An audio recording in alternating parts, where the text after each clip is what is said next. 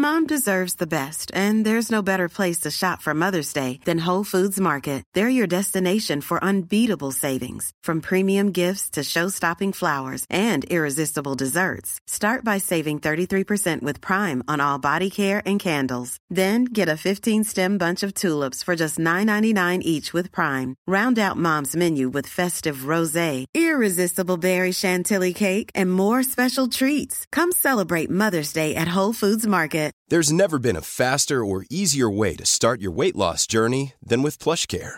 PlushCare accepts most insurance plans and gives you online access to board-certified physicians who can prescribe FDA-approved weight loss medications like Wigovi and Zepbound for those who qualify. Take charge of your health and speak with a board-certified physician about a weight loss plan that's right for you. Get started today at plushcare.com slash weight loss. That's plushcare.com slash weight loss. plushcare.com slash weight loss. Hey, it's Danny Pellegrino from Everything Iconic. Ready to upgrade your style game without blowing your budget? Check out Quince. They've got all the good stuff shirts and polos, activewear, and fine leather goods, all at 50 to 80% less than other high end brands. And the best part? They're all about safe, ethical, and responsible manufacturing. Get that luxury vibe without the luxury price tag. Hit up quince.com slash upgrade for free shipping and 365 day returns on your next order. That's quince.com slash upgrade.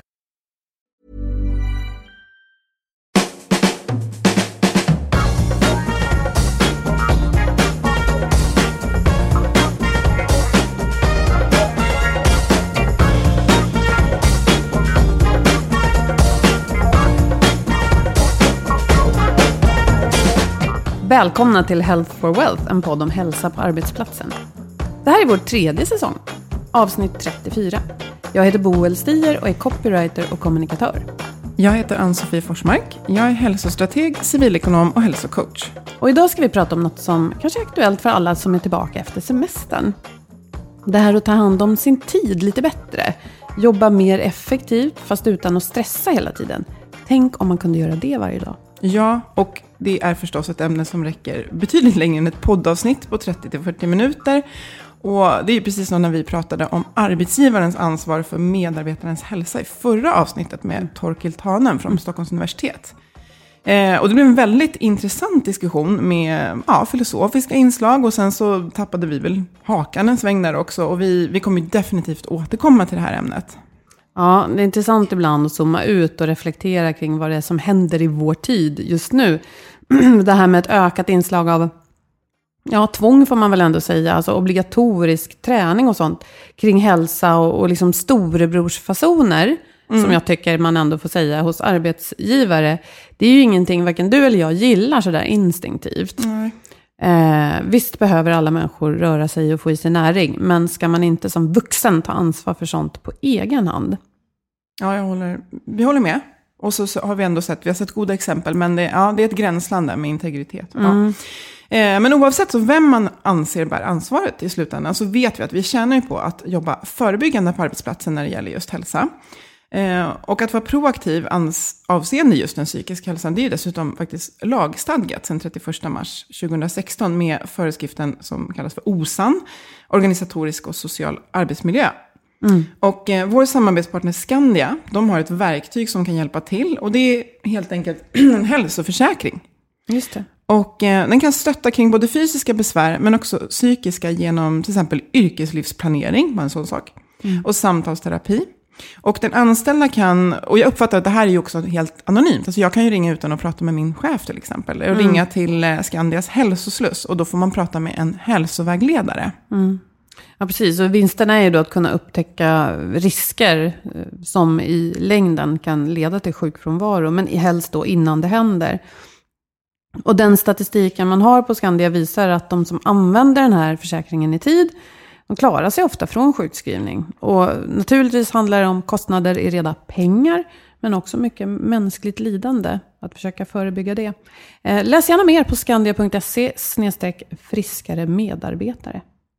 Ja, och ehm, alltså hur många exempel finns det inte just på hur mycket enklare saker är att lösa eh, liksom, tidigare än när man måste släcka bränder. Och ehm, det här arbetet som Skandia gör, det är ju det som vi pratade om, jag tror det var i förra avsnittet, just att det är ju prisbelönt och uppmärksammat av Fortune Magazine. Och placerat, eh, de har placerat dem på en lista som kallas Change the World List. Och, den listan skulle jag vilja vara med på. Ja, ja Slår eller hur? Tänk Change dig. the ja, world top list. 50 Change the World List. Ja. Ja. Eh, och jag drar en parallell till det som jag gör större delen av min semester. Eh, jag tar hand om ett gammalt hus, snart 100 år. Och framförallt eh, måleriet är mitt eh, och min mans ansvar. Och, eh, om man tar det tidigt, då är det betydligt lättare än när det har gått väldigt långt och man kanske måste liksom byta paneler och sådär. Eh, och det kan man ju se lite som en metafor för sin hälsa.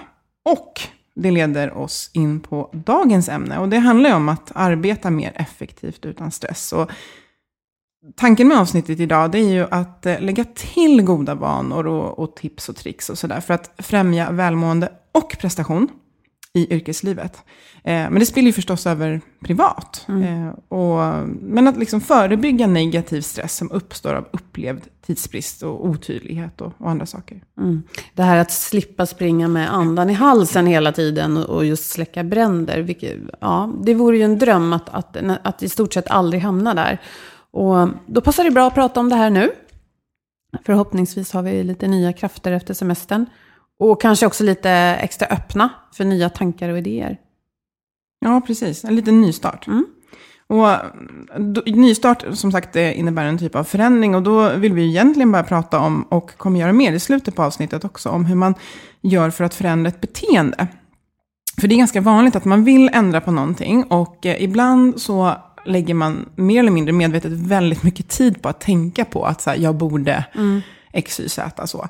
Eh, men, men det är viktigt att förstå hur man, man förändrar ett beteende. Det kräver energi och det kanske kräver tid. Och det är inte alltid man liksom skapar de förutsättningarna, utan man bara tänker att det här ska ske av sig själv. Eh, och man behöver stötta den här förändringen för att den ska hålla. Men om vi tar något exempel. Eh, jag funderade på om, om det är något som jag skulle vilja förändra i hur jag jobbar. Och, ja, jag kan väl hitta massa olika småsaker. Men en sån här genomgående stråk som får mig att känna mig ibland lite otillräcklig. Det är att ibland upplever jag att jag pratar, alltså kommunicerar kring och planerar runt saker mer än jag verkligen producerar något. Alltså, jag vill uppnå den här sköna känslan av att gå från jobbet, så här, check i alla boxar, nu är listan klar, jag har gjort det jag skulle. Hej då, nu är jag ledig.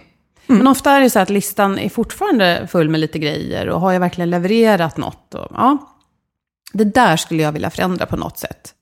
Ja, och då, då, då tänker jag direkt att det måste vara ett väldigt, väldigt tydligt varför. Nu, nu vet ju jag vad du jobbar med. Du, jobb, du har ju ett typiskt abstrakt jobb. Där du inte bygger en bil där du tittar så här, ja nu satte jag dit eh, vindrutan här innan jag gick hem. Utan eh, ibland tror jag att vi måste konkretisera, vad är det faktiskt jag ska göra i liksom ordentliga ord. För annars så är det nog svårt att titta på det när man går hem och säger, har jag gjort det? Men, men ett väldigt tydligt varför. För det genererar också ganska tydligt vad det är jag behöver faktiskt göra. Varför ska jag göra det? Och kanske flera positiva varför som du kan plocka fram.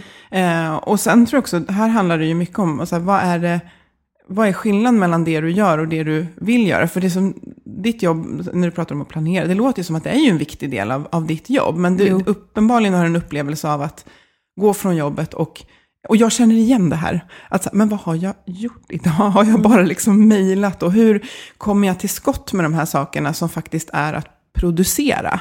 Ehm, Och det handlar om att få eh, liksom, både förutsättningar för att kunna utföra det här då mer liksom, operativa, det som jag kan kalla för en leverans. Och för mig som är copywriter, då kan ju det vara en text som helt enkelt ska skrivas färdig för en, en kund, deras hemsida, vi ska prata om en ny tjänst till exempel.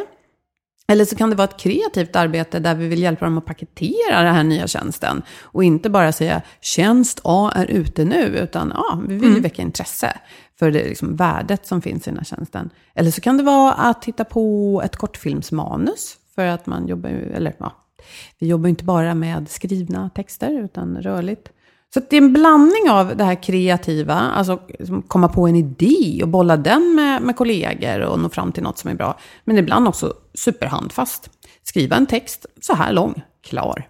Ja, så just den här, okej, så åter till den här känslan av att det här får man inte riktigt till. Då, då handlar det först, varför ska jag göra det och varför, vad är hindren för att få till det? Är att jag eh, hela tiden liksom öppnar mejlen, sitter i ett landskap med många andra människor. Jag skapar inte förutsättningen för den här kreativa processen. Och just när man säger kreativitet så kan det i alla fall för mig låsa sig väldigt mycket. För jag känner, jag kan inte vara kreativ just nu.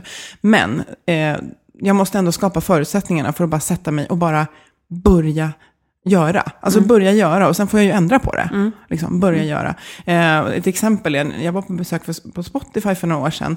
Eh, och de kanske har ändrat det här, men de har ju också någonting som är liksom att man Eh, typ man skapar och sen så lanserar man och sen så tweakar man det efteråt. Mm. Och jag tror att ibland så blir vi så här, vi jagar kanske att det ska vara perfekt, men i en sån här process så är det ju kanske skapa förutsättningar att bara sätta igång. Mm. Och då, vad behöver du då? Liksom, du kanske behöver gå och sätta dig i ett annat rum, stänga ner mejlen, stänga av telefonen, eh, att ge dem förutsättningarna och också kanske lägga in det i kalendern. Mm. För den kanske är full med annat, så den här tiden den finns inte riktigt där, utan du måste liksom boxa in den. Och där, oavsett hur det känns, så sätter jag mig och börjar med den här kreativa processen. Mm.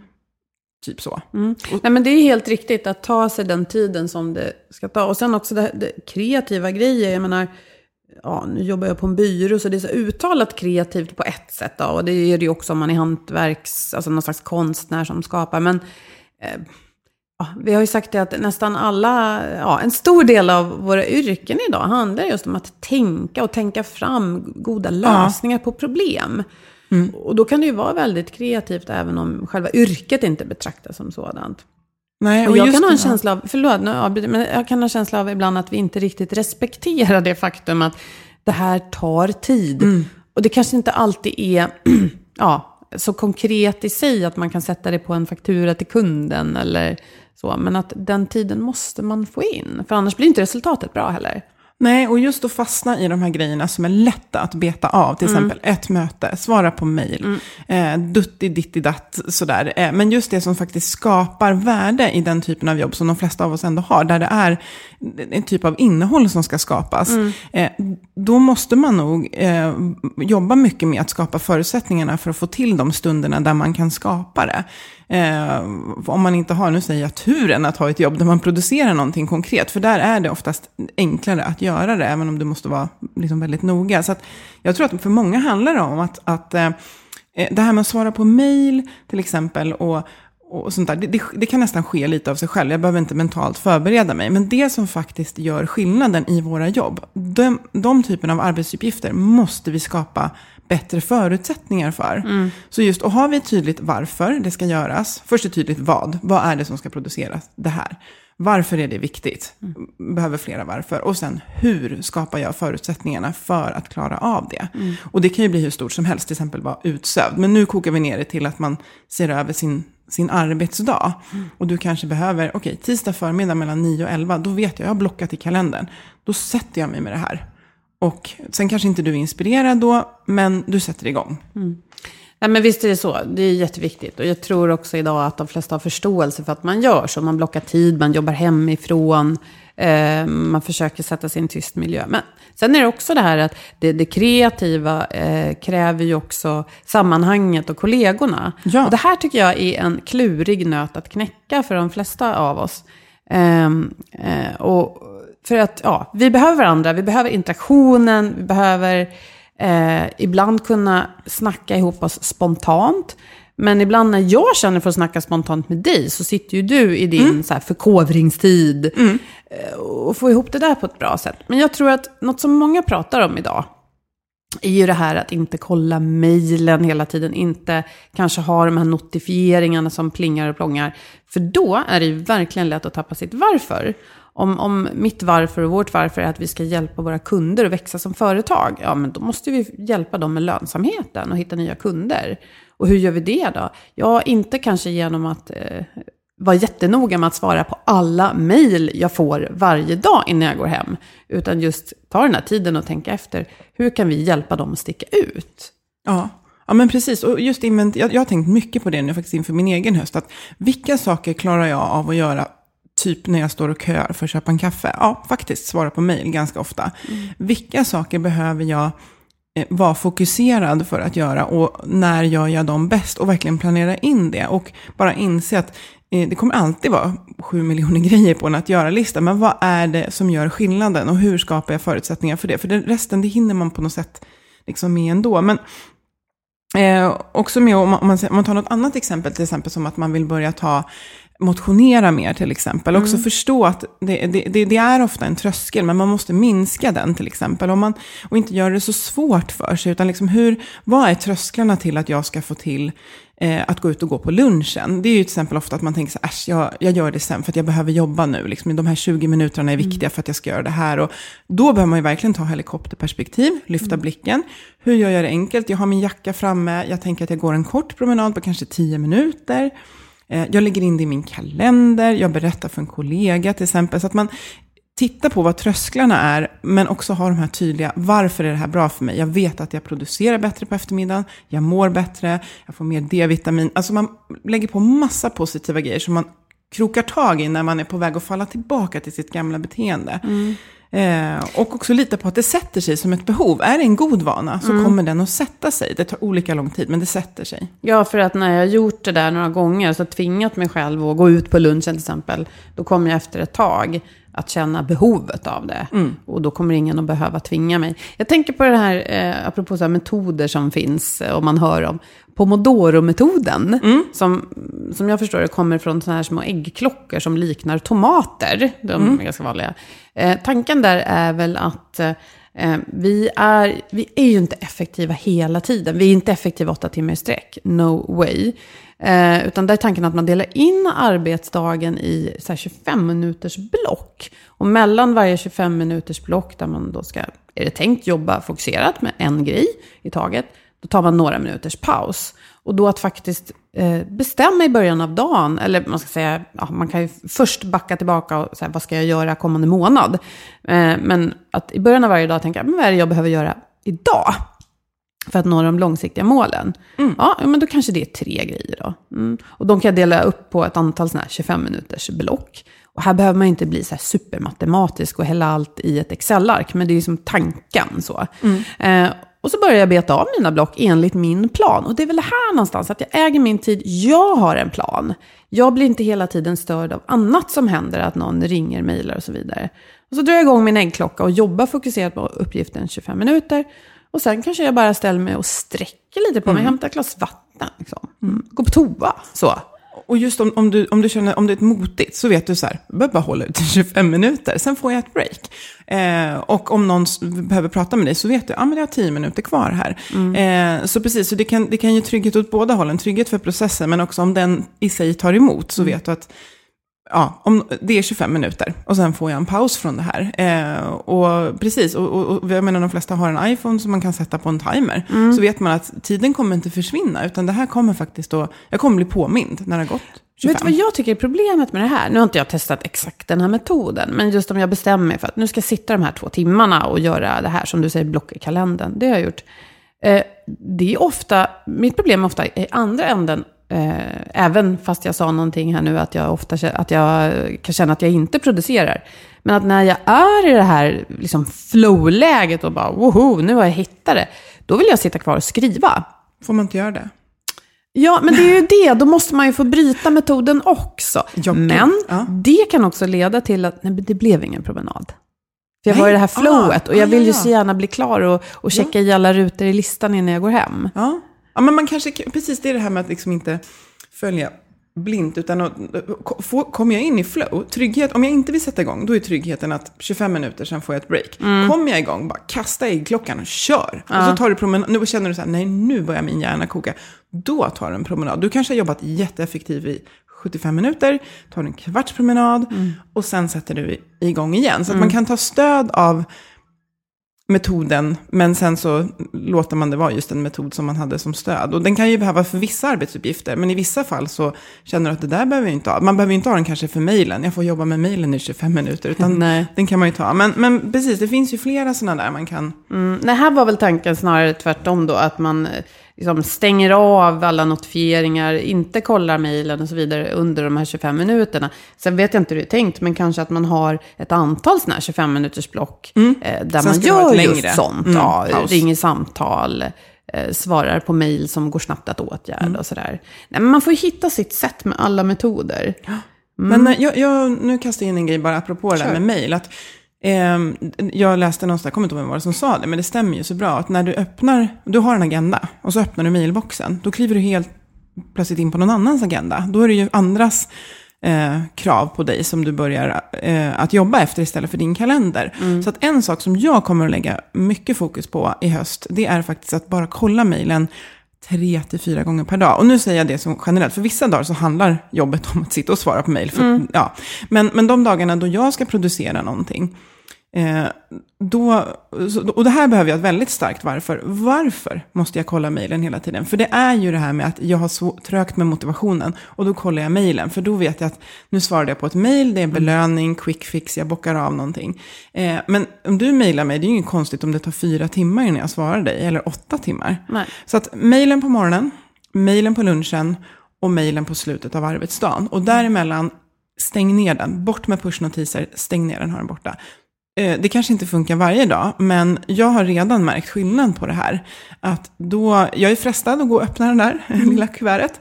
Eh, Men, men att gå tillbaka till den här processen som jag är i. Och sen så sätter jag av ordentligt med tid och svarar på mejlen och älskar när de här eh, liksom, röda försvinner och blir liksom, lästa. Eh, och det här vet jag att många liksom, pratar om och vill göra. Eh, och då handlar det om att kanske lägga lite krut på det. Att det faktiskt ser till att få in det som en rutin. Eh, med tydligt varför. Eh, Men för det är spar tid. jättebra det där att säga att man, man halkar in på någon annans agenda. Och, och det är helt okej, vi interagerar, det är ju en del av det vi gör när vi jobbar. Men man kanske ska ha prio på sin egen agenda och själv sitta i förarsätet. Och du brukar skriva eh, någonting som jag har tagit till mig, som är så här enkelt och självklart, men som man ändå tappar lätt. Och det är det här, gynnar det här mig eh, långsiktigt? Att du använder den frågan till dig själv när du känner att det är, är mycket eller så här, oj, vad ska jag göra nu, hinner jag med allt? Eh, Är det inte så? Jo, och då, och då kommer till exempel lunchpromenaden högt upp på, på prio. Därför att det här det. gynnar ju mig långsiktigt. Medan att kasta sig in i en dialog som kommer ta upp en timme, eh, när jag egentligen borde göra det här, det gynnar inte mig långsiktigt. Det här kan jag förmodligen ta hand om lite senare. Men vi kommer tillbaka hela tiden till ett tydligt varför. Vad är syftet med det jag gör? Eh, och har man det tydligt så är det lättare att reda ut vad man behöver göra och eh, sen stötta med hur man ska få till det. Och då är det värt att förtydliga att varför kommer alltid att vara långsiktigt över tiden. Eller Ja, hur? ja. Precis. Det finns ju en matris, eller ju och ju, det finns en matris eh, som brukar prata, omnämnas som bråttom eh, kontra viktigt. Eh, jag stötte på den ganska nyligen, du kände till den sedan tidigare. Jag läste lite om den, att den kallas för Eisenhower-principen. Det var en före detta amerikansk president som kläckte eh, någonting i stil med det här. Att det som är bråttom är sällan viktigt. Och det som är viktigt är sällan bråttom. Och det känns ju som en, en, alltså ett citat för dagens moderna människa på jobbet. Som man nästan skulle så här, sätta ovanför arbetsplatsen. Verkligen. Och just att när det som är viktigt blir bråttom så blir oftast inte eh, resultatet lika bra som det hade varit om man hade kunnat jobba med det när det var viktigt och inte bråttom. För vi vet ju också hur hjärnan funkar när den känner sig stressad. Och jag tänker att det är många lyssnare nu som bara mentalt räcker upp handen och bara det där är jag för att göra grejer fem i tolv. Eh, och jag kan väl själv skriva under på att jag går ju lite igång på det. Att liksom vänta tills det börjar brinna lite och så får man en liten rush. Men alltid så tänker jag så här, tänk om jag hade satt igång med det här tidigare. Då hade jag hunnit researcha X, Y, Z och så. Så att, ehm, att det man har på sin att göra-lista, att om man tänker att det här är som du säger en matris med fyra rutor, plotta in det man har och se vad är det som, och här måste man vara ganska tuff, och se, som du säger, vad är viktigt för mig långsiktigt? Vissa saker är viktigt bråttom också såklart. Och plotta in det man har att göra och se att lägger jag all tid på viktigt bråttom, då kommer det som är viktigt, inte bråttom, som kanske är jätteviktigt, Mm, som kanske är viktigast av allt. Ja, hur ser jag till att ha tid för det regelbundet? För det är ofta de sakerna som är de mest värdeskapande. Och roligast. Ja, när man tar sig tid för dem. Inte när de blir bråttom, då är de inte... Nej. Nej, förutom då den här belönande effekten som, som du nämner. Och det, det är lite otäckt och konstigt det här att man kan känna sig som en hjälte när man släckte den här branden. Fast det kanske egentligen var bland annat eh, ens eget fel att det blev så där bråttom. Ibland, alltså, ibland kan man ju inte styra över alla faktorer. Nej, men det är ganska bra och det handlar väl också om att se i den här matrisen då att det som är, eh, alltså det som är bråttom och, och, och eh, inte viktigt, ja, men det handlar ju om att Eh, varför är det i så fall bråttom? Hur har jag hamnat här? Är det något jag kan eh, delegera? Är det något jag kan strunta i eller bara göra annorlunda? Eh, och det kan ju också handla om, som jag läste någonstans, att man har någon slags flyktstrategi. Alltså att jag upplever att det här är väldigt bråttom. Ja, men kanske för att det hamnade högst upp i mejlkorgen.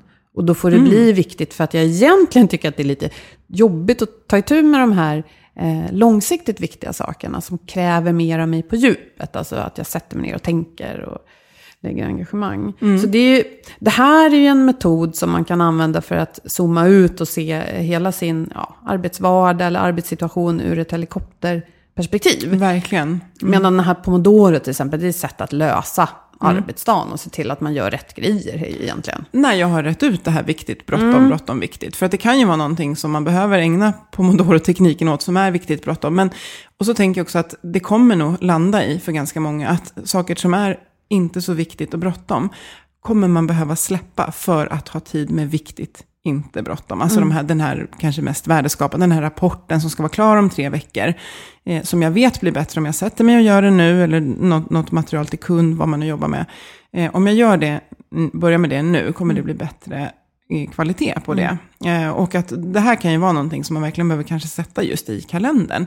Eh, och vara ganska nykter och tuff runt att så här, nej, jag får nog släppa det där, bråttom inte så viktigt. Och här är det ju förstås jätteangeläget att kunna be andra om hjälp. Ja, mm, Och om man inte kan det, fundera över, ja varför kan jag inte det då? Mm. Jag tänker som jag som lämnade en egen företagartillvaro. Det, Mm. det var ju delvis för att jag var sugen på nytt, men också för att vissa grejer inte riktigt funkade. Mm. Och, och jag bland annat insåg att men jag behöver sluta vara ensam i vissa Mm. saker. Och ha fler kompetenta människor runt omkring mig som kan annat än det jag kan. Mm. Och ja, det är också sånt man kan komma på. Nu satt inte jag med just den här matrisen, Mm. men det var ett liknande tänk. Liksom. Ja, men vi, jag tycker vi skickar med den. Den är väldigt bra. Och titta över eh, sin att göra-lista, hur man nu har den. Och titta på vad, finns det tid för, och, precis, finns det tid för viktigt, inte så bråttom? Eller hamnar det alltid att det, det flyttar sig i, till bråttom och så blir det liksom lite Vi kan ta ett konkret exempel eftersom Mm. det blir så mycket mer levande då. Till exempel om man nu är egen då. Att man hela tiden kämpar med saker som att nu måste jag liksom leverera det här underlaget till min revisor. Och herregud, är det ny månad nu igen? Eller är det slutet på ny månad? Mm. Eh, men eh, de där grejerna som man skulle behöva göra för att utveckla sitt företag och kanske lönsamheten, att det faktiskt funkar på sikt. Eh, som i mitt fall då att utveckla samarbeten eller vad det nu skulle vara. Att man aldrig hinner med det. Ja, då kanske det handlar om att man faktiskt ska lägga över en större del av arbetet på den där revisorn. Om man nu har liksom, ekonomiska möjligheter till det och så. På sin redovisningskonsult vill jag skjuta in som gammal revisor eftersom vi revisorer Du har inte helt rätt i bokför. det. Jag ja, vet, men alla säger vet. revisor. Ja. Det var en parentes. Men du jag- har helt ja. rätt. Smäll på rätt. fingrarna. Ja, Tack. men så här, man ska göra det man är bra på. Ja. Ja, och, och, och vad är min kärnverksamhet och vad är min kärnkompetens? Lägger jag tid på den eller lägger jag tid på att försöka lösa saker som tar väldigt mycket tid för mig fast jag egentligen inte är eh, bra på det? Mm. Liksom så. Ja, precis. Och som liksom faktiskt, om jag lägger tid på det jag är bra på, då kommer det generera pengar till att liksom betala just för de här sakerna som jag Ja, inte och jag menar, då kan man ju backa den här varför-frågan till kanske inte bara varför företaget finns och varför jag jobbar, men också vad tar jag betalt? varför tar jag betalt? Alltså Mm. varför vill någon betala mig för mina tjänster? Ja, just det. Ja, men det var ju inte för bokföringen faktiskt. Nej, det- nej, precis. Nej, det var någonting helt annat. Ja. Ja, men eh, vad, jag tänker, vad har du för... Eh, nu tog jag upp, eh, inte ett problem egentligen, men en sån här fundering jag kan ha kring hur jag jobbar och hur man fördelar sin tid mellan olika saker. Har du någon sån här ehm, ja, problemställning som du har jobbat med och tycker att du har löst eller inte löst? Eh, men jag, jag tänker mycket ut efter det här att man tar in information, producerar information och eh, skapar relationer. Och de tre delarna. Att när jag blir lite förvirrad över hur jag ska lägga upp min tid. För jag känner som, som eh, reflektion efter att vara egen, egenföretagare nu ett halvår. Att jag behöver vara ännu noggrannare med min arbetsstruktur. Eftersom jag kan jobba precis var som helst och hur som helst och komma på idéer. Så behöver jag vara ganska noga med mitt schema. Jag behöver ha, lite som Pippi som säger åt sig själv att gå och lägga sig. Ja. Så behöver jag ha någon som säger till Ann-Sofie att eh, nu var det att du ska ta in information och nu försöker du skippa det för att istället svara på mejlen. Men om du inte tar in information, då växer inte din kunskap och då kan inte du dela information. Så att jag sätter av liksom tid för att läsa och ta in till exempel. Och verkligen då, då handlar det verkligen om att stänga ner mejlen och stänga, sätta på klassisk musik. Och eh, skapa förutsättningar för det. Och också veta att det passar allra bäst för mig att göra det till exempel efter lunch. Eh, och min kreativa process den gör jag oftast när jag har dragit mina tre koppar kaffe på morgonen. Och då producerar jag, jag får som en rush liksom av det. Eh, så det handlar mycket om, och jag har ju då friheten att strukturera min arbetsdag efter när jag är bra efter när jag gör det som jag ska göra. Så att jag försöker lägga möten till exempel gärna antingen direkt på morgonen eller också efter lunch när jag behöver lite draghjälp med energi. Eh, men, men, men just det här med, med eh, att, som du sa lite, så här, vad är det jag ska göra? Vad är liksom syftet med min verksamhet? Och lägger jag tid på det? Eller vad håller jag också på med andra saker? Så där? Det, det är nog viktigt att komma tillbaka till ganska ofta så att man inte rycks med eh, som sagt, på någon annans agenda och sådär. Man kan få förfrågningar och tänka, gud det där låter jättekul. Och så backa lite, wow, vänta. 24 timmar per dag, är det det här jag ska göra? Eh, så jag är ju väldigt varför, Simon, Simon Sinek skolad i att hela tiden ha det här varför med sig hela tiden. Varför gör jag det här? Och det får inte gå till överdrift. Men eh, med den lilla tid vi har, och, och just att jag vill inte jobba övertid, så måste jag verkligen lägga tid på det som är värdeskapande. Och när man också har turen att utforma sin egen dag sådär, och ha den friheten, för det har ju inte alla. Men jag gillar den här tredelade grejen du sa, nu kan du inte ta den igen. Jo, att antingen så tar jag in information. Du kan tänka som andas. Andas in och andas ut. Det kan du inte göra samtidigt. Så antingen tar jag in information, eller så delar jag med mig av information, eller så eh, bygger jag nätverk eller bygger relationer. Och i ett möte så pågår ju kanske alla de här tre delarna under ett möte. Eh, men under en, en, en arbetsdag så det- kan man liksom, får jag in alla delar? Fyller jag på med kunskap idag? Eh, eller delar jag bara med mig? Och vissa dagar kanske man bara just producerar och delar med sig. Men det måste finnas tid för att ta in eh, information och reflektera. Men alltså det är jättehärligt. Jag känner att jag går i Annie-skolan här. För att... Oj, oj. eh, jo, men faktiskt. Därför att den här problemställningen jag... Jag vet inte om det är ett problem riktigt, men en reflektion som jag nämnde i början. Att ibland känner jag inte att jag liksom har levererat den dagen. För att det är en skön känsla att till exempel skriva en text och ha den klar och godkänd och kanske till och med publicerad. Men eh, för att jag ska komma dit så krävs ju de här andra delarna som vi nämnde, då det kreativa. Och, och som du sa, man kan inte ta in och, och, information och, och leverera den samtidigt. Och jag får till minnes en, eh, en handledare jag hade på universitetet. Nu var det här statsvetenskap, men det spelar egentligen ingen roll. Vi pratade om det här Jo, vi studenter frågade någonting om en uppgift. Så här, hur, hur, hur många sidor, hur många tecken ska det här vara på? För det skulle då vara någon slags skriftlig rapport. Och då sa han så här, ja, hörni ni. Eh, hur, hur många tankar per tecken är det egentligen? Wow. Och det var väl en bra grej. Och, och- och då, det är klart att någonstans kanske inte han var beredd att läsa hundra sidor, för det skulle inte han ha tid med. Någonstans en sida var lite för lite för den här uppgiften. Men ändå faktiskt att tänka att nej, men det handlar inte bara om hur lång en text är, eller hur många timmar jag lägger på den, utan hur, hur många tankar fanns där som bär oss vidare. Och ja, det tyckte jag jag fick med mig med den här, den här tredelade, både ta in, Ja. eh, dela och så bygga relationer. För det är ju inte en leverans, Nej. men det stöttar liksom den långsiktiga idén. Oh, det skapar förutsättningar för att få lära sig mer av de man möter och få dela med sig av det man kan. Men, men jag tänker igen där att eftersom vi jobbar med så abstrakta processer, att eh, jag har tänkt mycket på det när jag, jag jobbade som eh, jobbade mot alltså revisorer till exempel. Att, att där kunde det vara, vad är det vi producerar? Ja, i slutändan så är det en, en revisionsrapport som man kanske själv inte ens lämnar ifrån sig, utan man är del av ett team. Eh, att man försöker att liksom konkretisera det man har gjort. Idag har jag jobbat med det här, det har rört sig framåt, men jag kan inte riktigt bocka av. Eh, men att göra, jag kallar det för mentala bokslut i slutet på arbetsdagen. Vad har jag gjort idag? Jag har jobbat med den här texten, jag har läst det här och tagit in information och reflekterat utbytt information. Alltså det låter lite nödigt när jag säger det, men, men jag tror att man behöver det, för så här ser våra arbetsdagar ut. Och om vi inte ska gå hem från jobbet med en känsla av att vad har jag gjort idag hela tiden? För det är inte en speciellt trevlig känsla. Då behöver vi konkretisera. Vad är det jag ska göra idag? Och då kanske man behöver, just för att komma igång, kanske vara lite tydligare och bryta ner det. Om du säger så här, "Ja, men jag ska ju leverera eh, material till den här kunden. Vad är det du ska leverera? Varför ska du leverera det? Mm. Hur, hur ska det vara? Det ska vara någonting som inspirerar deras kunder att Mm.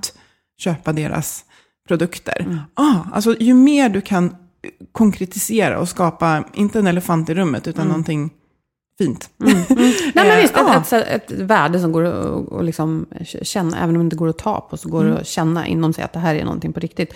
Och mentalt bokslut, jättebra. Jag hörde en, eh, en person som sysslar mycket med hjärnan och pedagogik säga det att om barn till exempel, när de åker hem, säg att man är ett halvstort barn som åker hem eh, med bussen själv. Eh, när man då åker hem med bussen eh, på eftermiddagen, om man då går igenom vad det var man gjorde på, säg sista lektionen, senaste lektionen eller hela dagen, då har man redan gjort en stor del av sin läxa. Sa den här personen. För det är ju just det här repeterandet av vad gjorde jag egentligen? Att vi reflekterar kring Reflekterar, det. Och ja. inte bara springer liksom som flåsande hundar och jagar, eller är jagade av, som du säger, andras agenda. Att då, då händer ju någonting, vi skapar kopplingar i hjärnan, vi ska, alltså det är ny kunskap faktiskt. Och om jag då kan sitta på bussen hem från mitt jobb och känna inte bara att nu har jag skrivit den här texten, nu har jag kontaktat den här personen som är viktig för att komma vidare någonstans, utan jag har också tänkt nya tankar. Och det innebär att jag ska lämna ett förslag till min kund som kanske får dem att växa ännu mer och tänka annorlunda. Att det här också är- får vara med på den listan. Liksom. Ja, och, och, och just att så här, det här är eh, stressminskande. Det här, det här minskar stressen. När vi upplever att vi gör, att vi rör oss mot mål och när vi konkretiserar vad vi gör. Så att det kan låta som att, att det är någonting flummigt, men det här är verkligen någonting som jag tror vi behöver för att minska stressen. Faktiskt. Eh, att mm, liksom ta vår tid i hampan och, och, och, och veta att idag gjorde jag det jag skulle. Och hur ser jag till att jag gör det jag skulle? Jo, det, bör, det handlar om hur jag börjar dagen, börjar veckan, men också hur jag avslutar den. Mm. Ja, men det är mycket bra. Mm. Ehm, och vi, vi hade ju i avsnitt, nu tror jag var fem eller sex, så hade vi ju Anna Tibelius Bodin eh, som gäst. Och hon pratade mycket om hur hjärnan vill ha det Ja. när man jobbar. Vi kan ju varmt rekommendera att gå tillbaka och lyssna på det. För det är full, väldigt relevant jämt, tycker jag. Men ehm, det är ju den som jobbar. Tips just. Ja, Mm. det, är ju, det är ju den som, som, ehm, som jobbar. Och, och här känner man ju sig själv bäst. Men en förståelse för... Det finns ju gemensamma drag för våra hjärnor, hur de funkar. Och sen är de unika. Men vad man behöver ha på plats för att hjärnan ska eh, ha sin bästa arbetsmiljö. Det, Och hon nämnde ibland att det här som du säger att du har gjort, att du har eh, liksom lärt känna dig själv och när passar det dig att eh, göra lite mer rutinuppgifter, när passar det dig att djupdyka i ny information, alltså när på dagen. Ja. Att förlägga de uppgifterna där det funkar bäst för dig. Eh, och hon återgav också det här kända citatet att de, eh, Obama och Merkel till exempel, bara för att säga några tunga världsledare, inte funderar på vad de ska ha på sig eller äta till lunch varje dag. Nej. Så om vi kan reducera, om vi kan använda eh, den digitala utvecklingen för att stötta de här rutingrejerna som vi egentligen inte, ja, det är lite synd att spilla vår hjärnkraft på dem. Så att vi kan använda hjärnkraften till det kreativa. Det är bra. ja, Men sen får inte de digitala apparna plinga och plånga hela tiden när vi inte behöver dem. Nej. Nej, men precis. Just skapa förutsättningar för det där jag behöver anstränga hjärnan och fokusera. Och lita på att resten, det kan, liksom, det kan jag göra ändå. Jag behöver inte skapa speciella förutsättningar, tysta rum, sådär. Men, men just det här som, som, är, som kruxar, det, det var ett nytt ord, kruxar. Det, det behöver jag ta hand om och se till att, att få göra. Ja, det finns ju hur mycket som helst att säga här. Och man kan ju fundera på här utifrån att leda sig själv i sin arbetsvardag, att leda andra, att leda ett företag. Ja. Men egentligen är det ju samma grundstruktur. Och varför är det viktigt? Och, och Inbox Zero har vi inte pratat om så mycket, men vi är väl ganska överens om att eh, det går inte. Ge upp den tanken. Nej, alltså jag försökte ju faktiskt när jag hade en ny e-mailadress. Det var ju härligt med ett nytt. Men, men sen så är så här, ett syfte i sig, det är ju samma där. Då betyder det att jag styrs av någon annan. För Ja. om jag får 40 mejl och har varit ute och gjort något annat, poddat med Boel den dagen. Eh, om mitt syfte då blir att tömma inboxen, vems agenda är det? Så att, inte är det din i alla fall. Nej, sen tror jag så här, när man har mycket då kan det kännas befriande, samma som att man gillar att stä- ha städat hemma, för det, det liksom blir inte Det blir rörigt i huvudet. ibland för att kunna... Ja, men, men eh, om det är ett ändamål i sig, eh, det, då, är, då är det någon annans agenda faktiskt. Lite provocerande, för jag vet att det är väldigt inne med Inbox Zero. Jag har testat, jag har släppt det. Jag ser det inte som ett misslyckande. Jag ser det som att jag tar hand om mejlen när det passar mig. För jag har mitt varför klart och det är andra saker som, som kommer före. Och att listan, den tar troligen aldrig slut för Nej, någon av oss. Det kommer mejlen. alltid finnas med på to-do-listan. Så det handlar inte om att bocka av allt på den heller. Nej. Det går i stort sett inte. Nej, precis. Och acceptera att så, så är det. Det kommer alltid vara jättemycket att göra. Det kommer aldrig bli mindre. Så att ta hand om de här, den här tiden vi har. Ha vårt varför och vårt vad, vårt hur på plats. Det långsiktigt viktiga. Mm. Mm. Du, vi har lite smarta tips från vår partner Twitch. Ja, precis. Och det här handlar det ju om, som jag sa, att vi skulle komma tillbaka till hur man förändrar ett, eh, ett beteende. Eh, och eh, ja, de, som de flesta vet, det skriver Twitch också på bloggen, att de flesta vet att det är bra att röra på sig, äta nyttigt och balanserat och så vidare. Men det är svårt för många att åstadkomma förändring. Eh, och särskilt viktigt när man behöver leda andra, men förstås också när man, när man leder sig själv, som man ju gör större delen av dygnet ändå, får man väl säga. Ja, och de refererar till två forskare, Prochaska och Di Clemente, som har intresserat sig för vad det är som påverkar människor som försöker ändra ett livsstilsbeteende. Och då har de tagit fram en modell och enligt den här då transteoretiska modellen, då går i alla fall framgångsrika förändrare genom fem stadium, vad många efterblev där. Det första är förnekelse. Ja, är det framgångsrikt? Nej, men vi kanske alla är där. Eh, begrundande, förberedelse, handling, aktivitet. Mm, det låter ju som en sån här fem tips, eh, sådär, eh, som det gärna är i tidningen nu för tiden. Men, men eh, det är inte så lätt som, som det låter. Så vi, vi tittar närmare på stadium 1 till 3. För att kommer man inte förbi dem, då händer det inte så jättemycket. Nej. Och i det första stadiet som kallas då för förnekelsestadiet, så då reagerar man ofta med att skämta bort eller undvika ämnet. Och man är inte medveten om eller förnekar behovet av att tänka på sin hälsa. Och då kan man behöva stöd i att uppmärksamma konsekvenser av det nuvarande beteendet. En liten fundering där. Det är ju ganska ofta som människor inte är i stadie ett, utan faktiskt redan är det, det, man har en, en Ja. medvetenhet att så här, det är något som behöver, ja. Mm, men, du men tar det för här. magen nu, den här Ja. liksom molande känslan Ja. att mm, något är inte rätt. Nej. Men då kan man behöva andras så här, skarpa ögon utifrån på vad är det liksom som händer här egentligen? Borde Ja. jag prioritera på ett annat sätt? Ja, och, och när insikt då väcks och man blir medveten om att det är något man skulle behöva förändra, ja, då går man in i begrundande stadiet. Och då kan man väl tänka sig att det här, ja, jag skulle behöva promenera på lunchen, fast jag gör det ju aldrig. Det är väl någon slags begrundande stadie, antar jag.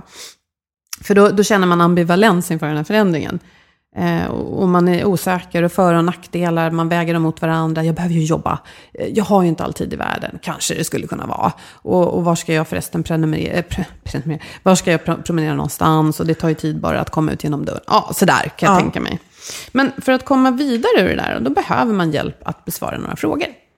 Så vad är för och nackdelar med nuvarande situation respektive för och nackdelar med en förändring och en ny situation?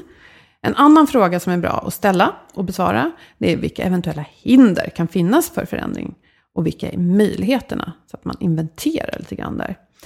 Och så det sista tredje, kanske viktigast, vilka små steg finns för att pröva förändring? Jag hör ju varför, hur och vad i de här tre. Så. Mm. Just. Eh, och när fördelarna med förändring väger tyngre, eh, och här kan man behöva jobba eh, med att och liksom söka upp eh, stöd för och kanske fråga andra och liksom läsa forskning, eller inte forskning, men ja, ja, om vi pratar om motion till exempel, man kan behöva mata sig själv med kunskap om varför det är bra också. Eh, när det väger tyngre än utsikten av den nuvarande situationen, då kan man gå in i förberedelsestadiet. Eh, och det kan låta så här. På grund av ryggsmärtan så ser jag inte några andra alternativ än att börja styrketräna trots att jag inte tycker att det är kul. Och där hör man ju att mm, där behöver man bygga på fördelarna för att liksom tippa sig över den där tröskeln. Och i förberedelsestadiet så är beredskapen för förändring hög och fokus ligger på praktiska metoder. Och i det här stadiet så är det väldigt viktigt med den praktiska planen. Alltså det är väldigt viktigt. Och det är där jag tänker på det här, hur plattar jag till trösklarna? Hur får jag till det här? Och promenaden på lunchen, till exempel att även om jag gillar att komma till jobbet i högklackat och ha det tillgängligt under dagen, för jag tycker det är nice att känna- känna- känna klippet i klopp, så kanske jag ska ladda med ett par sköna, platta, fina skor För Ja. de kan jag promenera med på lunchen. En sån enkel grej kanske. Ja, verkligen. Mm. Men har man kommit så långt så är punkterna handling och aktivitet kvar och de får vi återkomma till en annan gång. Men just det här medvetandegörandet är viktigt och inget man ska hoppa över. Kanske behöver du få hjälp eh, och kanske får du redan hjälp av de här reflektionerna om du behöver förändra något hos dig eller i din organisation. Mm. Jag vill bara, eh, ja, vi, det går förstås att kontakta Twitch Health eh, om ni vill ha stöd i ert arbete och interna diskussioner. Och de jobbar verkligen både strategiskt och praktiskt med de här frågorna. Besök gärna twitchhealth.se och de här tipsen finns i skrift under bloggen Planera för hälsa. Eh, men jag tänker att vi på något sätt, vi har pratat högt och lågt och vitt och brett och, och, och liksom sammanfatta idag. Men jag känner just det här med att Tiden är vår tajtaste resurs eh, och vi behöver ta hand om den. Och just, vi har pratat mycket om helikopter, sådär, men just att, att, att lyfta blicken och tänka så här, vad, vad är viktigt för mig för min hållbara prestation och min hållbara hälsa? Vad i min arbetsdag behöver jag förändra för att vara på väg dit jag vill? Och verkligen komma tillbaka till den frågan regelbundet för att se vilka beteenden man behöver förändra. Sen kan man lägga till pomodoro, eh, viktigt, bråttom, bråttom, viktigt. Det är verktyg. Men att, men att ha sitt varför, liksom både långsiktigt och ja, även, även liksom för dagen. Jag tror att man, man behöver skapa den rutinen. För då börjar man se vad det är för förändringar som man behöver göra för att minska den här stressen. s- Som ju ofta handlar om att man inte hinner med och det är otydligt och sådär. Att, Och lite att man ska vara till för alla andra. Det är Ja. också väldigt stressande. Tänk att det här, att landa i de här grejerna, det kan ju ta ett helt liv. Eh, och det känns liksom lite seniort att kunna ha de här funderingarna. Men jag önskar att unga människor kunde få det med sig redan från början. För att det motverkar ju stress. Det är någon slags självrespekt, det här att vad är det jag behöver på lång sikt? Och, och innan jag har det jag behöver så kan jag inte heller leverera till det företaget behöver. Eller Nej. vad det nu är för sammanhang. och just det som vi sa lite innan, att eh, är man senior kanske man kan plocka upp sitt varför inifrån sig själv. Är man junior och ny, då behöver man ställa frågan, men varför då? Och inte tro att man är, eh, min treåring ställer den frågan hundra gånger per dag just nu. Det är jätteviktigt att, att liksom inte tro att man är jobbig när man ställer den, utan jag måste förstå varför ni gör så här, eller hur det här görs och sådär. Så, ja. Vi, ja, Ja, när vi hörs igen förresten, då ska vi prata med Torbjörn Eriksson, som 2016 fick utnämningen Årets hälsofrämjande chef. Han är vd för Tenant and Partner. Tenant och Partner. Tenant och partner. Ja. Och tills dess så är ni som vanligt varmt välkomna att diskutera med oss på Facebook, på LinkedIn och på vår hemsida healthforwealth.se. Och ni får jättegärna ge oss en recension i iTunes. Och vi vill rikta ett stort tack till våra samarbetspartners Skandia och Twitch Health. Och förstås Agda Media för produktionen. Tack för att ni lyssnade.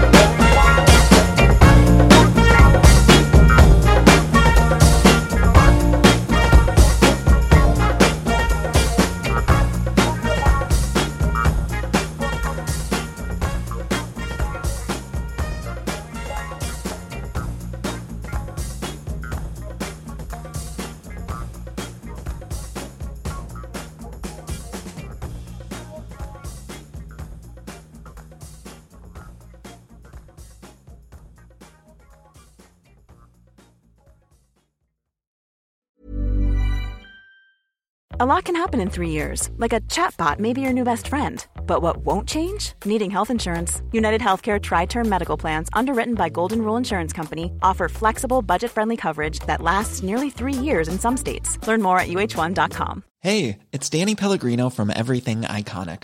Ready to upgrade your style game without blowing your budget? Check out Quince. They've got all the good stuff shirts and polos, activewear, and fine leather goods, all at 50 to 80% less than other high end brands.